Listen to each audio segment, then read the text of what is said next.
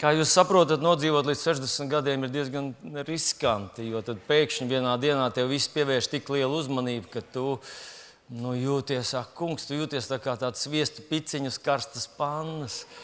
Un tev liekas, ak, kungs, vai tiešām tas ir manīm, vai tas ir tā vērts tik daudz labu vārdu, tik daudz labu vārdu, apskāvienu, ziedu. Laikam, es ne, jūtos kā primadonna pēc kaut kāda milzīga sprādziena. Ja, Tik daudz ziedu, ka tu nezini, ko ar viņiem darīt. Tu apjūti, tev bāž cilvēki visādas dāvanas, un aploksnītes un vēstulītes. Un, un jūs redzējāt, man pasniedz dāvis šajā rītā tādu pabiezu, ja, pabiezu ievarāt. Ja, ja.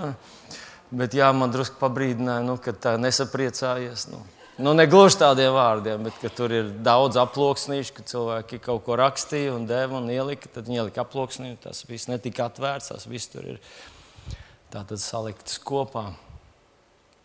Un es tā no savas, nu, cik vien, viens cilvēks var pateikt, gribu jums no visas sirds pateikties par jūsu labvēlību, par jūsu mīlestību, par atbalstu, draudzību un par žēlastību.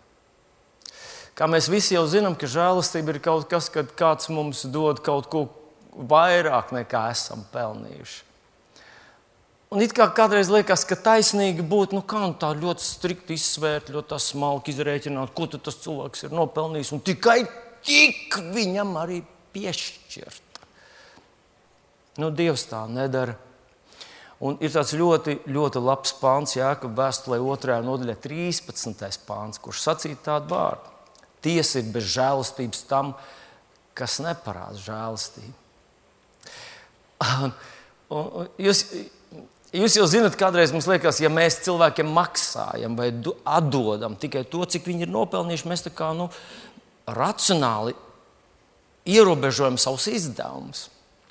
Bet, kad mēs tādā veidā ierobežojam savus izdevumus, mēs ierobežojam savus ienākumus. Ja tu esi tāds, tad tieši tāpat attiecas pret tevi. Un tālāk ir teikts, jo žēlastība nebēdā par tiesu, vai žēlastība triumfē par tiesu. Tas nozīmē, žēlastība daudz neņem vērā, cik tu tur esi nopelnījis, bet ar tādu izšķērdīgu dāsnumu to dod. Un tas ir tas, ko es esmu piedzīvojis šajās dienās, un gribu pateikt, draugs, jūs neesat taupījuši savus izdevumus Es absolūti esmu pārliecināts, ka Dievs nesašaurinās, nesamazinās jūsu ienākumus, ka tiem tikai jāpaliek lielākiem. Paldies jums vēlreiz.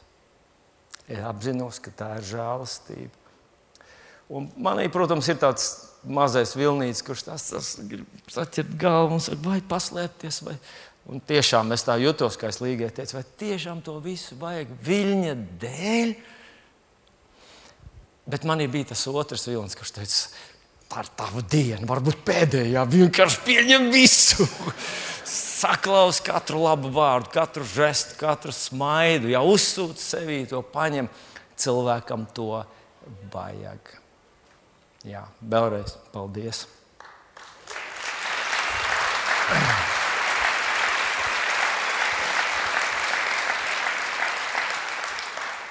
Šo vārdu es saņēmu kad man ar to gribējās padalīties un domāju, kāda to izdarīt. Un tā viens šķiet, ka šodien ir tā labākā reize vai, vai tā loģiski atbilstošā reize. Un man gribētos pastāstīt par savas dzīves trim lielākajiem brīnumiem. Trim lielākajiem brīnumiem. Bet, nu, jūs jau zinat, ka es mēdzu ilustrēt kaut ko ar, ar kādu nu, stāstu, kas izsauc kā smaidu. Uh, Un visā savā nu, garajā kalpošanas laikā esmu dzirdējis daudz dažādas tādas ļoti nu, tādas, nu, asprātīgas ilustrācijas, nu, kas kā, nu, izraisa smaidu.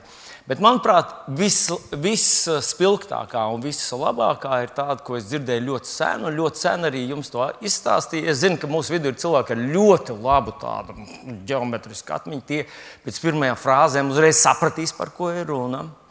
Bet ir cilvēki, kuriem ir laba atmiņa, bet ļoti īsa. Un, un tie var būt, oh, oh, oh, beidzot, kaut kas jauns. Tā kā es par cik tas sarunas ar trim garīdzniekiem, tas nav nekas nepiedienīgs, ko izstāstīt dievkalpojumu laikā. Tāpēc es to izstāstīšu. Tātad trīs garīdznieki, kaut kā viņiem bija tāda gara saruna, viņi runāja par visu kaut ko. Tas ir katoļu priesteris, mācītājs, protestantu mācītājs un rabīns. Runāja par visu, un pēkšņi viņu sarunā uzvirmoja tāda jauna tēma, tā ir Kurš no mums piedzīvojis lielāko brīnumu? Uz mirkli viņa apklusa un katrs kā mazliet parakājās savā atmiņā. Pirmais ierunājās priesteris. O, jūs zināt, es tiešām esmu piedzīvojis laikam lielāko brīnumu, kādu viens cilvēks var piedzīvot. Man bija komandējums uz tālu, tālu mazu tādu misijas staciju. Un mēs dodamies ceļā, un tas ceļš ir garš un ilgs, un tā tālāk. Un beig, beigās es jau dodos uz to mazo salu valstiņu, mazā tādā kuģītī, mazā tāda tupelīte. Tur ir apkalpi divi cilvēki, un mēs tur daži pasažieri tādu braucam uz galda pieturu. Un pēkšņi sākās tāda vētra tāds vējš, tādi viļņi, piecmetrīgi viļņi gāžās par to mūsu mazo tupelīti. Un viņš saka, es skatos uz tiem, nu, uz to apkalpi, tie pilnā izmisumā. Viņš saka, es sapratu, ka viņi neko tādu nav redzējuši, ka laikam mēs neizdzīvosim. Un tad priesteris saka, un es lūdzu, un es lūdzu, un es lūdzu. Un pēkšņi skatos visapkārt vētra, bet tieši te, kur mēs kuģojam ar savas mazās tupelītes, miers un klusums. Tas bija brīnums. Mācītājs saka, ziniet ko? Jā, tas bija brīnums, bet man liekas, es piedzīvoju vēl lielāku brīnumu. Man bija komandējums, bija jādodas uz tālu, tad bija biskupa konferences, tur atradās mazā valstiņā, tātad tas ceļš ir garš, garš, un beig, beigās es lidot ar tādu mazu lidmašīnu. Mēs esam ar pilotu tur tikai divi, un tā ir no finiera izgatavot. Nu, liekas, brīnums, kā viņi turās gaisā. Un pēkšņi sākās tāda vētra. Viņš ir zibeņi, visapkārt zipsnīs zibeņi. Un, un iebraucām mākoņus. Neko nevaram saprast. Ejam augšā, lejā, vai mēs vispār ejam uz priekšu, vai ko. Nu, tas cilvēks man priekšā skatos, viņš skatās spogulī, labā, kreisā, neko neredz. Nu, nevar saprast, kas ar mums notiks. Un es sapratu, ka laikam ar mums ir cauri. Un viņš man sāka lūgt, un lūgt, un lūgt, un pēkšņi skatos visapkārt. Ir tātad migla, mākoņi un zibeņi, bet tieši te, kur mēs lidojam, ir miers un klusums. Tas ir brīnums. O, jā, viss saka, brīnums, brīnums. Bet tad ir runājis rabīns. Mums saka, brāli, es esmu piedzīvojis vēl lielāku brīnumu. Nu, un viņš saka, ziniet, vienu sestdienas pēcpusdienu nāk mājās no sabata Mierīgs klusums, tāds vakars, un pēkšņi ieraugu uz ielas ļoti biezu lielu maku. Es jau gribēju, bet nevaru. Sabats, sabatā tu nevari nekādu darbu darīt. Un tad es lūdzu, un es lūdzu, un es lūdzu, un pēkšņi skatos visapkārt sabats. Bet tieši te, kur es stāvu, ir trešdiena.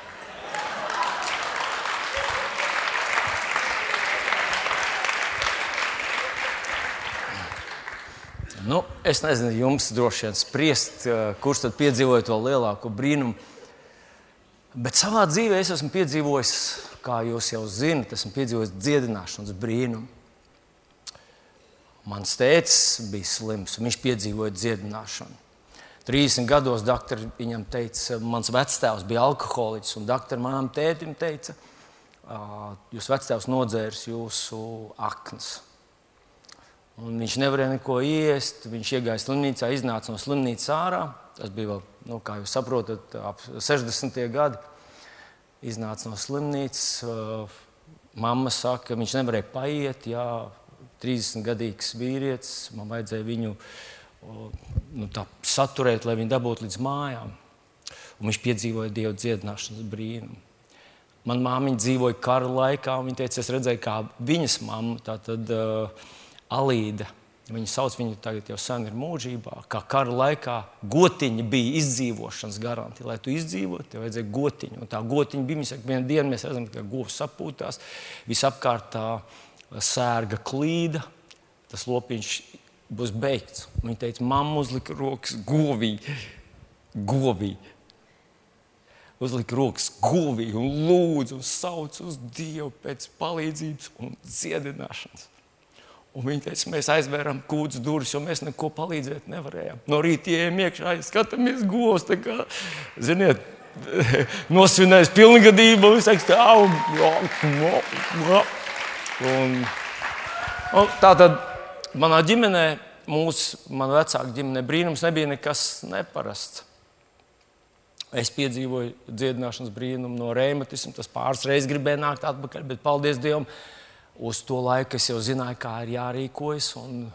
Te nu es stāvu jūs priekšā, vesels. Bet tādēļ es esmu piedzīvojis arī finansiāls brīnums. Neiegrimšu tas. Tātad, tātad, tas saraksts varētu būt diezgan garš. Vis visādus brīnumus mēs esam piedzīvojuši. Cilvēku labvēlību, cilvēku mīlestību, nepazīstamu cilvēku tādu nodošanos, ka tevi atbalsta gadu desmitiem. Gadu desmitiem desmitiem cilvēki svešā tālā valstī, kur valodu knapi saprot, tevi atbalsta gadu desmitiem. Mēs to esam piedzīvojuši. Bet eh, šodien es gribu parunāt par trim top brīnumiem. Tādiem trīs paši, paši lielākie brīnumi manā dzīvē. Un tas, tas tātad no tā topa trešais, trešajā vietā es ierindotu, ierindotu manu ģimeni. Un ģimene, protams, eh, ir man bērni arī, bet eh, pirmkārt ģimene jau ir mēs ar līgu. Mēs atradāmies, neko daudz par laulību toreiz nerunājām, nemācījām, nesapratām. Neko īsti es nezinu. Man neviens neko nu, tādu kaut kādu padomu nekad dzīvē pirms laulības. Neko. Pilnīgi. Es mācījos medicīnas skolā, un tur kaut ko mazliet uzzināju par sievietes ķermeņa uzbūvi.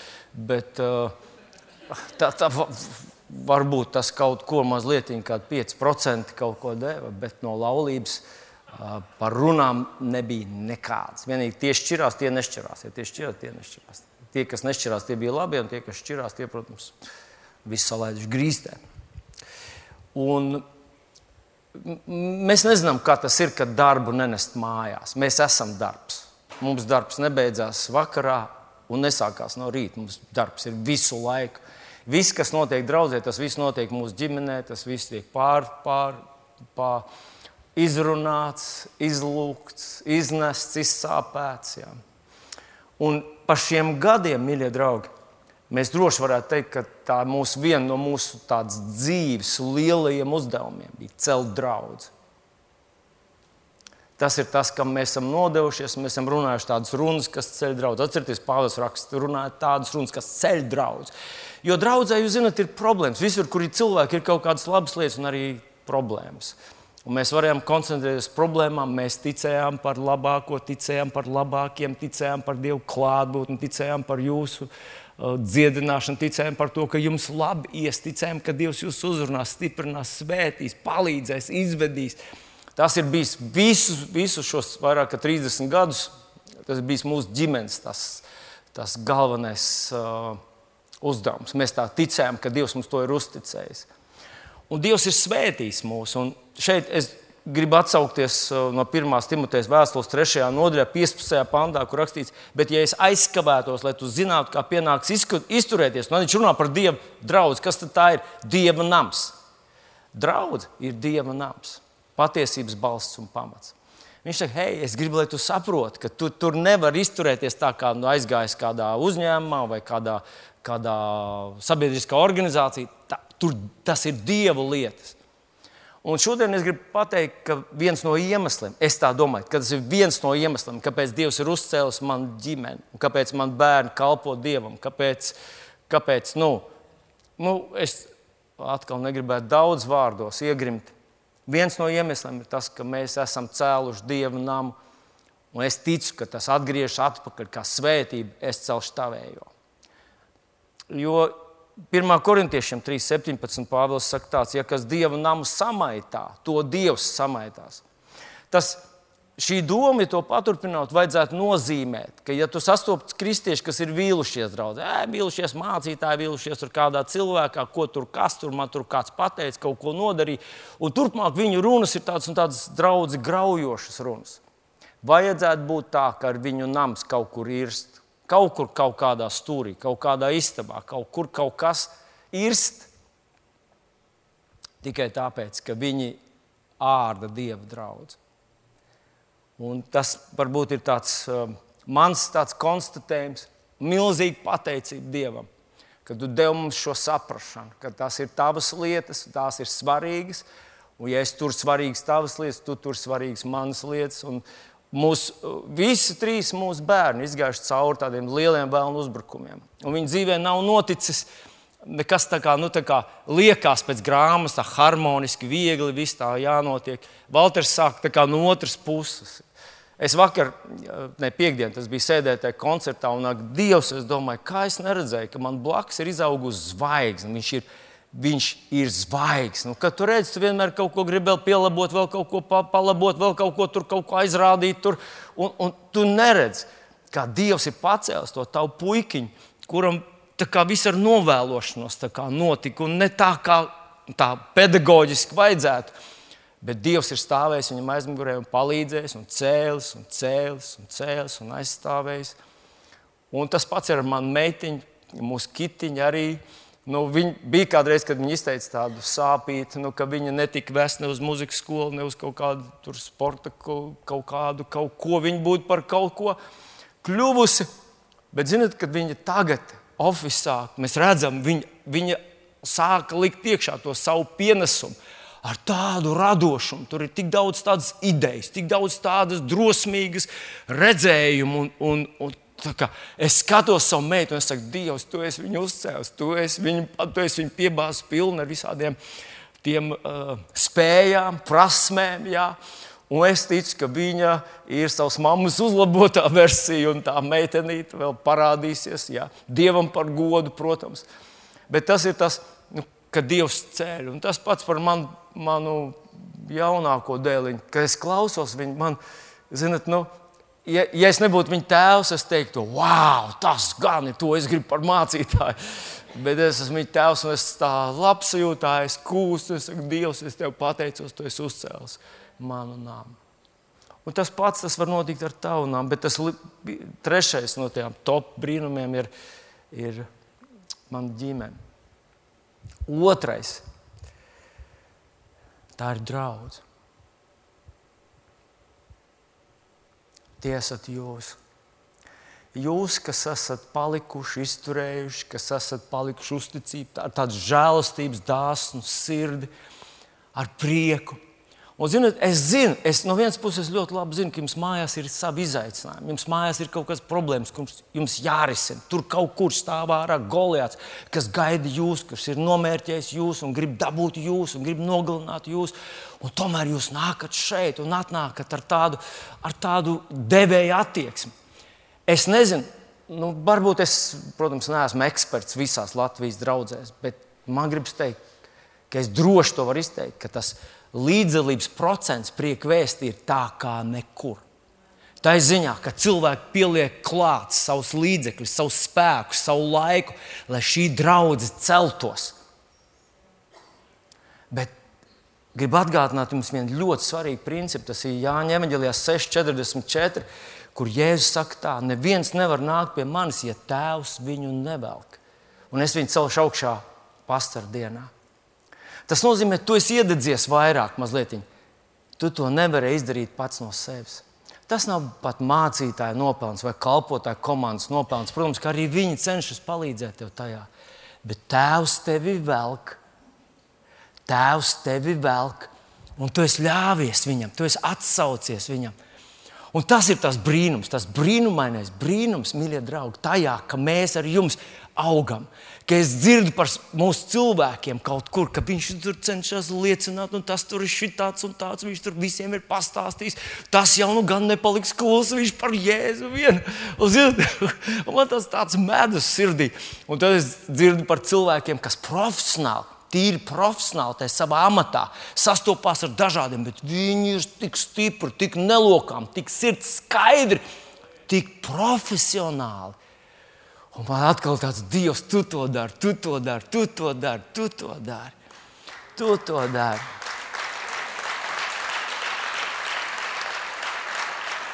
Tātad, ja es teicu, neviens nevar nākt pie manis, ja tēvs viņu nevelk. Bet ir arī otra puse.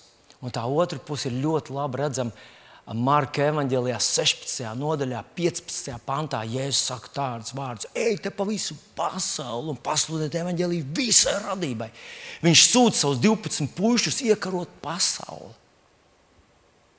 Tam taču nu, kādiem būtu jābūt tiem cilvēkiem, kurus viņš sūta un saka, puiši, nevis uzceliet mazu draudzīti kaut kur popē vai kaut kur tur, tur savāciet mazo grupiņu. Viņš saka viņiem, pasaulē. Jūsu mērogs ir pasaule. Tur vajadzēja būt kaut kādam kvalitātēm, ja? Jā vai nē? Paliciet pantiņu iepriekš.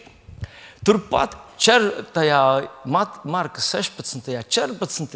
Jēzus atnāk pie mācekļiem un, sāk, un norāda viņus par viņu cietsirdību un neticību, ka viņi neticēja tiem, kas jau bija sastapuši jēzus pēc augšām celšanās. Un tad man, es, es, es ieraudzīju šīs abas lietas kopā. No vienas puses, tur ir tāds cilvēcīgais, tas, nu, ar ko mēs visi cīnāmies. Pats Dievs, zini, es, ne, es laikam neesmu, es laikam neesmu adekvāts. Es nevaru laikam vadīt mazo grupu, paskatīties, kāds pa, pa, pa brīžiem jūtos. Nu, tāds, nu, tāds uh, miesas gabals, nu, kas ir pa kalpotāju. Un tieši tev viņš sūta, ej un pasauli iekaro. Tā kā ja tu jūties neadekvāts, neatbilstošs, nepietiekami garīgs, laipni lūdzu klubiņā. Dievam nekad nav bijis neviens perfekts kalpotājs. Nekad. Tu lasi par visiem tiem vecās derības varoņiem, tu saki, kā viņi to varēja. Viņi cīnījās, viņi katru dienu spēja vēl vienu solīt. Un tas ir tas, ko mēs ar tevi varam darīt. Nevis teikt, jā, es jau nevaru, ko tad es, es jau esmu nekas. Ļauj, lai Jēzus kādreiz tev norāja par tavu cietsirdību un neticību. Un zinat ko? Es pavisam droši jums gribētu teikt, ka, ja Jēzus atnāk šeit mūsu vidū, protams, viņš to nu, dara caur savu vārdu, bet stiprākos no mums viņš būtu norādījis. Kāpēc jūs neticat? Neticat Gānā! jo vēl ir, vēl ir lielāka mēroga, vēl ir lielāks uzvars, vēl ir lielākas lietas, ko sasniegt. Dieva resursi nav viss patērēts uz tevi, lai te dabūtu līdz tai vietai, kur tu esi. Taisni pretēji. Viss pasaule vēl ir atvērta. Debesis ir tas, tā robeža, kuru kur tu nospraust pats. Tas ir otrais brīnums, draugs. Trešais brīnums. Tātad no visiem maniem top trīs pats lielākais. Kas tas ir? Viņš ir uzrakstīts 1. pētera vēstulē, 5. nodaļā, 10. pants. 1. pētera 5, 10. Nu, palasīsim, kas tur ir uzrakstīts. Bet visas žēlastības Dievs, kas jūs Kristu ir aicinājis savā mūžīgajā godībā, tas jūs pats pēc īsām ciešanām pats sagatavos, stiprinās, spēcinās un darīs pastāvīgs. Nu, tā pirmā doma, kas mums ir, droši vien jums arī lasot, kas tas lielākais brīnums ir? Visas žēlastības Dievs, kas jūs Kristu ir aicinājis savā mūžīgajā godībā. Uz kurien mēs ejam? Uz mūžīgu godību. Mēs ar tevi esam aicināti nevis vienkārši līdz kapiņam nodzīvot, un tad cerams, ka nu, tur, tur būs labāk. Bišķi. Mēs esam aicināti kaut kā. Mēs esam aicināti priekš kaut kā tādu, ko nav. Cilvēkiem nav vārdu, kā tos pateikt, kā tos izskaidrot. Viņš mūs tur ir aicinājis, bet paklausies, pēc īsām ciešanām, Pāvils, ko tur? Tas ir Pēters. Jā. Bet Pāvils savā, savā vēstulē romiešiem 8. nodaļā arī, eh, laikam, 28. pāns, 18. pantā, jā, viņš arī saka, ka, ka šī laikmeta ciešanas ir nenozīmīgas. Un tad tu lasi visu, kam Pāvils izgāja cauri un saka, nenozīmīgs. Kā var būt nenozīmīgs kaut kas tāds, kam Pāvils ir izgājis cauri? Bet viņš saka, salīdzinot. Salīdzinot ar algu, salīdzinot ar atmaksu. Šeit Pēters saka, pēc īsām ciešanām. Cilvēka dzīve ir īsa. Iebikstam, kurš šeit tev blakus. Cilvēka dzīve ir īsa. Oi, man ir grūti. Pff, tas ir īsts mirklis. Tas ir īsts mirklis. Salīdzinot ar mūžīgo godību. Bet paskatieties, kas te vēl ir teikts. Pats sagatavo, stiprinās, spēcinās un darīs pastāvīgus. Nu, Iespējams, ka jums arī tas pirmais tas, tas, nu, tas secinājums ir, nu, nu, nu, jā, nu Dievs pats to izdarīs. Vai cik labi, es jau domāju, ka kaut kas man jādara. Nē, tev vienkārši jāgaida. Bet, lai tu nonāktu līdz šim desmitajam pantam, tev jāizlasa iepriekšējie. Un es gribētu, lai tu ar mani palasi mazliet iepriekš, kas tur ir uzrakstīts. Un tas ir 8, 9 pāns. Turpat 1 pētera 5, 8, 9. Esiet skaidrā prātā, esiet modrīgi. Jūs pretinieks vēlns staigā apkārt kā lauva rūgnams, meklē, ko tas varētu aprīt. Tam turieties pretī, stipri ticībā, zinādam, ka tās pašas ciešanas ir uzlikts jūsu brāļiem pasaulē.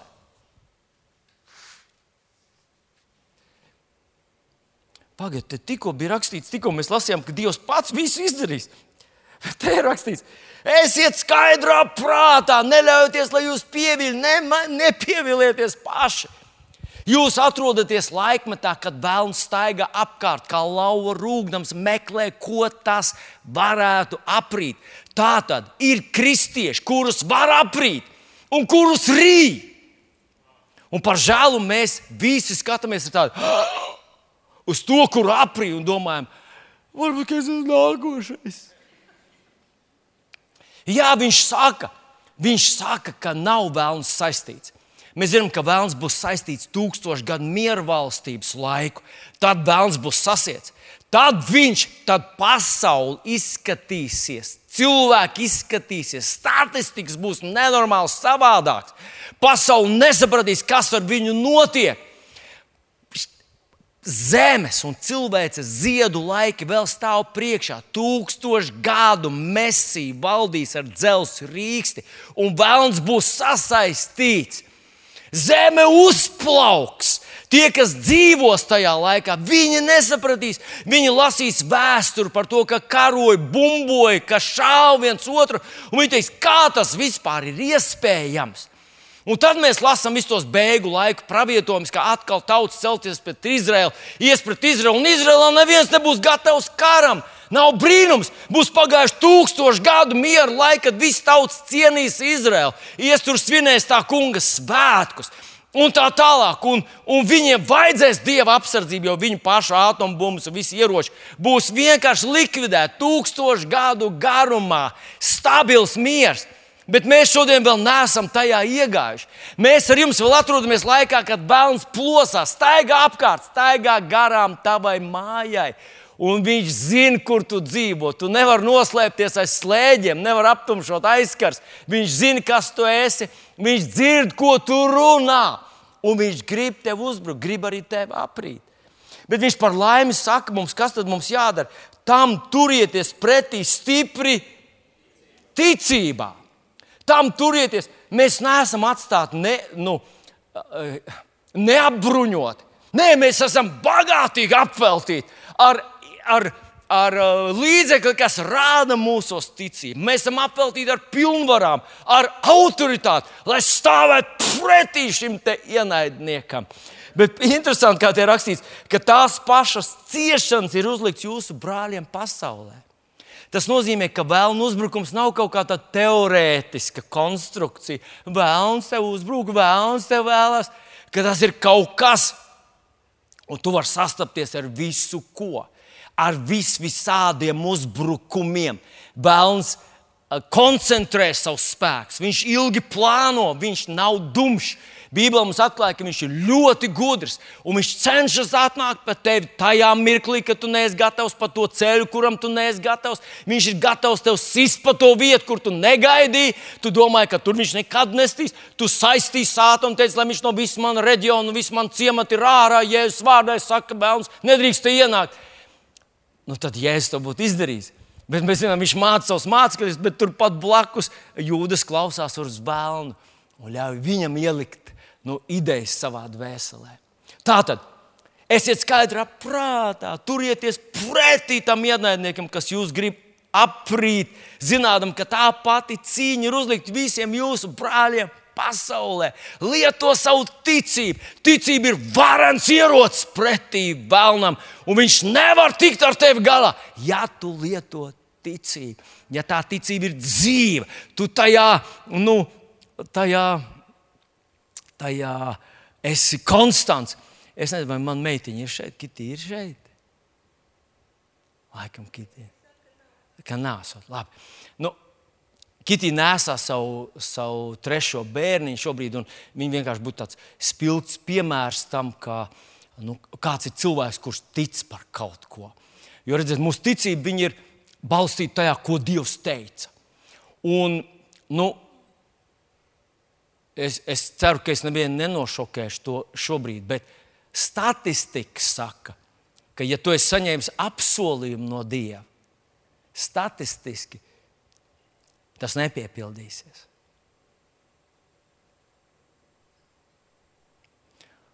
Un tas nav tāpēc, ka Dievs ir neusticams vai viņa vārds nav stiprs.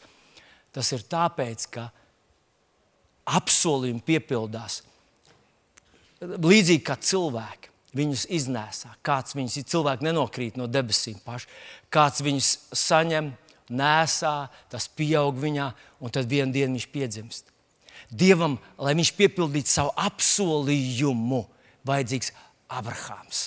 Bez Abrahāma apsolījums nepiepildās. Un par žēlumu, par žēlumu lielākā daļa no mums mēs to desmito pāntu. Dievs pats to visu sagatavo, stiprinās, Viņš spēcinās man, Viņš, viņš. Jā, Viņš dod tev apsolījumu. Un mēs tikko Marka 16. 15. pantā, kad Jēzus saka, jūs esat cietām sirdīm neticīgi, nākošajā pantā viņš viņam dod apsolījumu. Tālāk mēs lasām Markas 16, 17, bet šīs zīmes ticīgiem ies līdzi. Manā vārdā tie jaunām mēlēm runās. Ne, viņš saka, jau manā vārdā pirmā lieta, ko darīs viens Dieva bērns. Viens vienkārši pavrasts, vienkārši Dieva bērns, kas vakar pieņēma Jēzu par savu kungu, šodien viņš ir Dieva bērns. Ko viņš darīs? Pirmais, ko viņš saka, manā vārdā tie ļaunus garus izdzīs. Tie jaunām mēlēm runās, tie ar rokām pacels čūskas, un kad tie dzers nāvīgas zāles, tad tās tiem nekaitēs. Viņš dod šo tādu.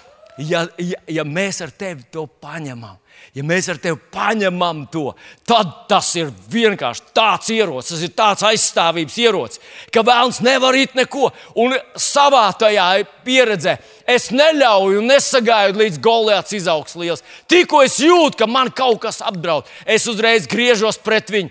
Un tas ir mīļais draugs. Paskaties uzmanīgi, paskaties uzmanīgi. Marka evanģēlijā, 4. nodaļā, ļoti labi uzrakstīts šis pāns šī situācija attēlot to, ko Pēters te raksta. Tam turieties pretī, stipri ticībā, zinām, ka tās pašas ciešanas uzlikts uz brāļiem pasaulē. Kāds varbūt šodien sajūt kaut, kādu, kaut kur kaut kādu sāpju, un doktors viņam saka, tas ir pats sliktākais, kas tas ir. Un tas ir, kas tas ir? Tas ir uzbrukums. Tas, tas nav tas, kas tu esi, tas ir uzbrukums. Un kas man būtu jādara? Nu, es vēlreiz teikšu, ka es esmu iemācījies, ka tikko es klausījos vienu dienu, braucu ar, ar mašīnu un klausos, tur sākās uh, Latvijas rādio. Viens ir uzruna, saruna par uh, insultiem. Jā. Insulta pazīmes un kā tas, un kā tas, kāpēc un ko. Un es sākumā, ziniet, es mācījos kādreiz medicīnu, kaut ko mazliet no tā atceros, un man tikai interesē tā tēma. Bet ziniet ko? Es sāku domāt, tur viņi sāk runāt par insulta pazīmēm. Un bez šaubām var iet šo ceļu. Var iet šo medicīnisko ceļu, kad tu sāc sev analizēt, kā, kas man tur ar tām pazīmēm ir vai nav. Tā vai man jāaiziet pie doktora, tur jāaiziet, jālai uzzināt, kas. Bet es sapratu, ka es eju citu ceļu, es eju brīnumu ceļu. Un es reiz viņam pateicu, mans insults jau ir izslimots. Tas notika 2000 gadu atpakaļ. Ja es paņēmu manu insultu un es izslēdzu mūziku, es ieslēdzu mūziku. Jo es saku, man nav jāklausās par insultu. Šī problēma ir atrisināta. Un, zinot, varbūt tas tā ir ar mani vienīgo. Es burtiski sajūtu, ka tas aizgāja projām, ka tas vairs man neapdraud. Ja es varu, es jums šodien drosmīgi ticu savā sirdī un pasludinu, Vilnis nepiedzīvos insultu Jēzus vārdā. Tāpēc, ka Jēzus, Jēzus Bet ļaujiet man vēlreiz jūs aizvest atpakaļ uz Marka evanģelīja 4. nodaļu. Jēzus ar mācekļiem dodas pāri uh, jūrai, un jūrā saceļās vētra. Gluži kā tas mācītājs sacīja, ne, tas bija priesteris, kurš teica, tāda tupelītē. Un tāda vētra viļņi gāžās iekšā. Un tad mācekļi saka šo zīmīgo frāzi, kur varbūt tu arī kādreiz gribēsi pateikt. Kungs, vai tu nebēdā, ka mēs ejam bojā? Vai tu nebēdā, ka paskaties, kas ar maniem notiek? Vai tu nedzirdēji, ko doktors teica? Vai tu nebēdā par to? Vai tu nebēdā par manām sajūtām? Vai tu nebēdā par to, kā man sāp šeit, vai tur, vai vēl kaut kur? Vai tu nebēdā par to finansēm? Vai tu nebēdā par manu vientulību? Vai tu nebēdā par manu draugu attieksmi? Vai tu nebēdā par to neap, nenapievilcīgo situāciju, kurā es esmu? Tu nebēdā, ka mēs ejam bojā. Un, mīļais draugs, ļauj man pajautāt, kā tu domā? Nu, dažreiz tu to vari dzirdēt no nu, dažreiz mācītāja par tavu runā. Ka Dievs jau nesatraucas par tavu dzīvi, kā tikai tu esi glābts, kā tikai, kā tikai tu nomirsti glābts. Halleluja! Tu esi glābts, nu tad, mīļais draugs, mirst no šodien. Vai Dievam vienalga, vai tu dzīvo vai nē, ir vienalga. Es esmu pārliecināts, ka, ja mūsu pieņemsim tādu, tādu teorētisku variantu, ka mūsu Latvijas valsts ir tik ļoti naidīga pret kristiešiem un saka, tā mēs uzzināsim, ka jūs esat kristietis, tad eh, jūs tiksiet nogalināti. Un mēs aicinām visus tos kristiešus, kas ir patiesi kristieši, kas tiešām tic Jēzum kā savam kungam, brīvprātīgi pieteikties rīt no pulkstenes deviņiem, uh, pieteikties, viņi tiks nogalināti. Es esmu pārliecināts, ka astoņos jau stāvēs rinda ar kristiešiem, kas stāvēs rindā, lai viņus nogalina. Jo viņi grib pateikt, jā, mēs esam īsti kristieši. Tu arī ietu. Jēzus teica, ja jūs vajā šī pilsētā, ko viņš teica darīt? Beidziet uz citu. Viņš nav interesēts, lai mēs visi vienā dienā nomirstam. Ja tu jautā Dievam, vai tu nebēdā, ka es mirstu, viņš teiks, nē, es bēdājos par to. Es negribu, lai tu mirsti šobrīd. Ne šobrīd. Protams, mēs visi mirsim, paldies Dievam. Es no savas par sevi, tikai par sevi varu teikt, paldies Dievam, ka vienā dienā šī cīņa beigsies. Bet es zinu, ka Dievs vēl grib, lai es kaut ko izdaru. Viņš nesaka, ka man vienalga kāds datums, ja tinkšs nu, mājās. Nē, viņš man šeit nolika. Viņš tevi šeit nolika. Tu viņam te esi vajadzīgs. Tev vēl kaut kāds uzdevums jāpiepild. Nē, viņš bēdājās par to, ka tu ej bojā. Un ko tad Jēzus dara? Viņš pieceļās, gluži kā Pēters mums raksta, tajā 5, 8, 9. Viņš nostājās pretī vētrai un viļņiem. Tas bija tas uzbrukums. Tajā mirklī tas bija tas bēnu uzbrukums. Tas bija tas vēzis, tas bija tas iekaisums, tas bija tā neauglība, tā bija tā vientulība, tā bija tā bezcerība, tā bija tā nabadzība. Šajā gadījumā tā bija tā uzbrukums. Un Jēzus parādīja faktiski mums, kā jārīkojas ir mums. Viņš nostājās pret to, un viņš viņam pavēlēja. Viņš teica, aizveries, klusi, mierā, vācies prom no manas ceļa. Un tas apklusa. Jēzus, kā mēs zinām, ir perfektā teoloģija. Viņš mums parādīja, kā jādara ir mums, izņemot krustu nāvi, protams. Viņš to izdarīja mūsu vietā. Mēs jau esam miruši. Halleluja! To grūtāko viņš izdarīja. Viņš mums nolika šajā pasaulē un pateica, paklausies, pasludini! savai dzīvei to, ko Dievs tev pateica. Iznēsā šo savu apsolījumu. Es esmu Abrahams savai dzīvei. Tas nebūs tik viegli. Cilvēki tev nesapratīs. Tas, tas ietekmēs visu, ko tu dari. Kad es skatos savu meitiņu grūtniecību, visu, ko viņa dara, viņu ietekmē tas. Viņa nevar to, viņa nevar to, viņa nedarīs to, tāpēc ka viņa nesā bērniņu un tā tālāk. Ar mums ir līdzīgi. Mēs jau neesam šeit, lai, lai iet pa visiem ceļiem, darītu visu, ko šī pasaule no mums grib. Mēs esam saņēmuši apsolījumu no Dieva. Mēs gribam, lai tas piepildās. Jēzus vārdā! Es esmu Abrahams!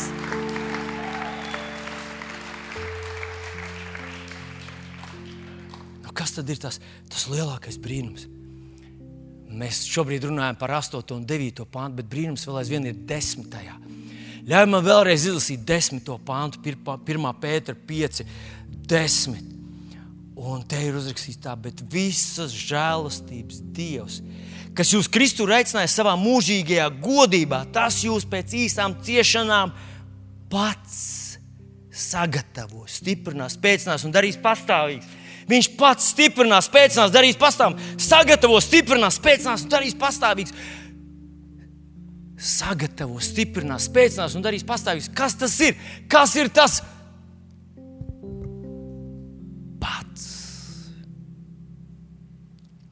Tad, kad tu esi stāvējis pretī vētrai un viļņiem, kad tu paskatījies acīs savam ienaidniekam un pateicis, zini, ko es nebaidos no tevis. Tu jau esi zem manām kājām, man tikai tev jāpasaka. Un, un pēc tam tev kaut ko vajag. Tu esi izšāvis kaut kādu lādiņu. Ko tu dari pēc tam? Mīļie draugi, un tas ir brīnums, kas man pavadīs visu manu kalpošanas laiku. Kā jūs atceraties, man kalpošanas laika sākums bija ļoti grūts ļoti smags. Man neveicās. Es vienkārši atceros savu pirmo sprediķu, es klaigāju, bļaustījos. Nu, labi, draugs, nu, labi, tas ir viņa pirmais, nu, pirmie kucēni, kā jūs zināt. Nu, gaidīsim otru, otrs bija vēl sliktāks, trešais bija vēl sliktāks. Es atceros, es esmu stāstījis, es visu nakti negulēju, no rīta man drebēja rokas, visu nakti dzēru kafiju. Es teicu, Dievs, kā tu gribi runāt, reku tavs kalps klausās, un es tā arī neko nesadzirdēju no viņa. Tas bija konkrēts izmisums. Viss mans kalpošanas sākums bija pilnīgs izmisums. Ziniet, ko es darīju pēc dievkalpojuma, kad gribējās ielīst zemē? Es aizgāju uz vietiņu, kur es esmu viens pats. Un tas izskatījās, tas izskatījās, vai jūs kādreiz esat bijuši tādā augstā vietā, augstā dienā nosaluši, un tad jūs pienākat pie krāsnes, pie siltas krāsnes, un jūs piespiežaties viņai klāt. Jūs gribat piespiest visu, kas jums ir. Ah. Un, ja kaut kas traucē, jūs kaut ko paliekat nost. Jūs gribat, Ah, un tas siltums sasilda tavu galvu, sasilda tavu sirdi, savu dvēseli, sasilda tavus locekļus, un tu tur, ah, tu tur baudi. Šis te pats, Dievs pats. Es esmu to piedzīvojis, un, un tas ir kaut kas, kas. Es, es gandrīz gribu teikt, ka tas fiziski līdzsvaro tavu ķermeni ka tas sadziedē tavu dvēselīti, ka tas sadziedē tavu garu. Un tu esi tur pavadījis kādu laiku, un tad pirms mirkļa tu biji tuvu depresijai. Un kad tu esi pavadījis tur, tad tur tu esi sagatavots, stiprināts un spēcināts. Tur ir divi vārdi, kā līdzīga nozīme. Bet es domāju, viens ir tas, nu, tas, tas, tas, tas, tas spēks darīt, bet otrs ir tas iekšējais tu pats kā personība tiec stiprināts. Un katru reizi, kad tu tur pavadi Dievs pats, Dievs pats, viņš to neuztic nevienam citam. Viņš pats atnāk pie tevis, tur, kur tu esi viens ar viņu, un tu runā ar viņu. Un kādreiz, kādreiz tu saproti, tu esi kaut ko sadarījis aplam.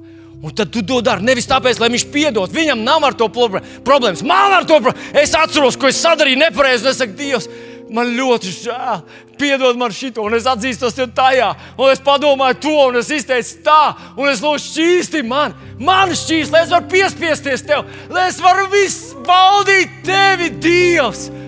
Ah, ah. Un es to neesmu atstājis, neesmu pametis visus šos 30 savus kalpošanas gadus. Kādreiz iet labāk, kādreiz iet sliktāk, bet tur, kur es satieku viņu, Tas bija 73. psalmā. Viņš nav īsti precīzs tas pants salīdzinājumā ar citiem tulkojumiem, bet, manuprāt, manā gadījumā tas viņš tieši izsaka to lielāko brīnumu, kāds tas ir. Un kas tur ir rakstīts? Psalms 7328. Man paliek mans aplēmotājs, Dieva tuvums. Man ir prieks savu cerību likt uz Dievu to kungu, lai paustu visus viņa darbus. Tas ir mans brīnums, numur viens. Tops. Ka es varu tev piespiesties klāt. Gan arī sajust tevi. Cik labi, cik labi, cik labi, cik labi, Dievs, cik labi. Kad es atnāku uz dievkalpojumu, sākās slavēšana. Es cenšos spiesties viņam klāt. Tas ir veids, kā es tuvojos viņam. Es gribu tev pielūgt, es gribu tev pagodināt, es gribu, es gribu tevi sajust atkal. Oh, es zinu, ka tā nav pareizi teikt, bet tā ir gandrīz fiziska sajūta. Ka Dievs pats tevi sagatavo, stiprina, spēcina un dara patstāvīgu. Mans mīļais brāl māsa, šajā rītā es to padalījos. Tas viss pieder arī tev. Tas ir tavs. Dievs tevi mudina, Dievs velk tevi klāt. Viņš tevi uzrunā par spīti tam, ka ir problēmas ar to cieto sirdi un nedzīvību. Viņš tevi velk sev klāt. Un viņš tev dod savu vārdu, mīļais draugs. Ja viņš tev dod savu vārdu, paņem to, paņem to, paņem to iznēsā to brīdi. Apsolījumi paši nepiepildās. Ir vajadzīgs Abrahams, kas tos iznēsā. Un pat ja tie ir liela mēroga apsolījumi, ir vajadzīgs Abrahams. Un es iedomājos, ka Abrahama komandā bija kāda, kas strādāja smagi, bet tas piepildījās Abrahama ticības dēļ. Tu tāds vari būt savā dzīvē, varbūt savā dzimtā, savā ģimenē, savā biznesā. Varbūt. Vai kur to arī nedarīt, ja Dievs tev dod apsolījumu? Tas ir dārgākais, kas Dievam ir. Nelūdz viņam vēl kaut ko, tas ir labākais, kas Dievam ir. Paņem to, saglabā to, glabā to vairāk par savu sirdi. Un vienā dienā tu redzēsi, kā piedzims brīnums. Bet neaizmirst, ka tev ir vajadzīga šī viņa personīgā sastapšanās. Un esmu drošs, ka šajā rītā viņš ir šeit. Es zinu, ka ienaidnieks uzbruk tev, un tev viņam jāstāv pretī. Bet, kad tu viņam nostāsies pretī, tev būs pavisam cits spēks. Ja tu būsi bijis sagatavots, stiprināts, stiprināts spēcināts un darīts patstāvīgs, stabils. Jēzus vārdā.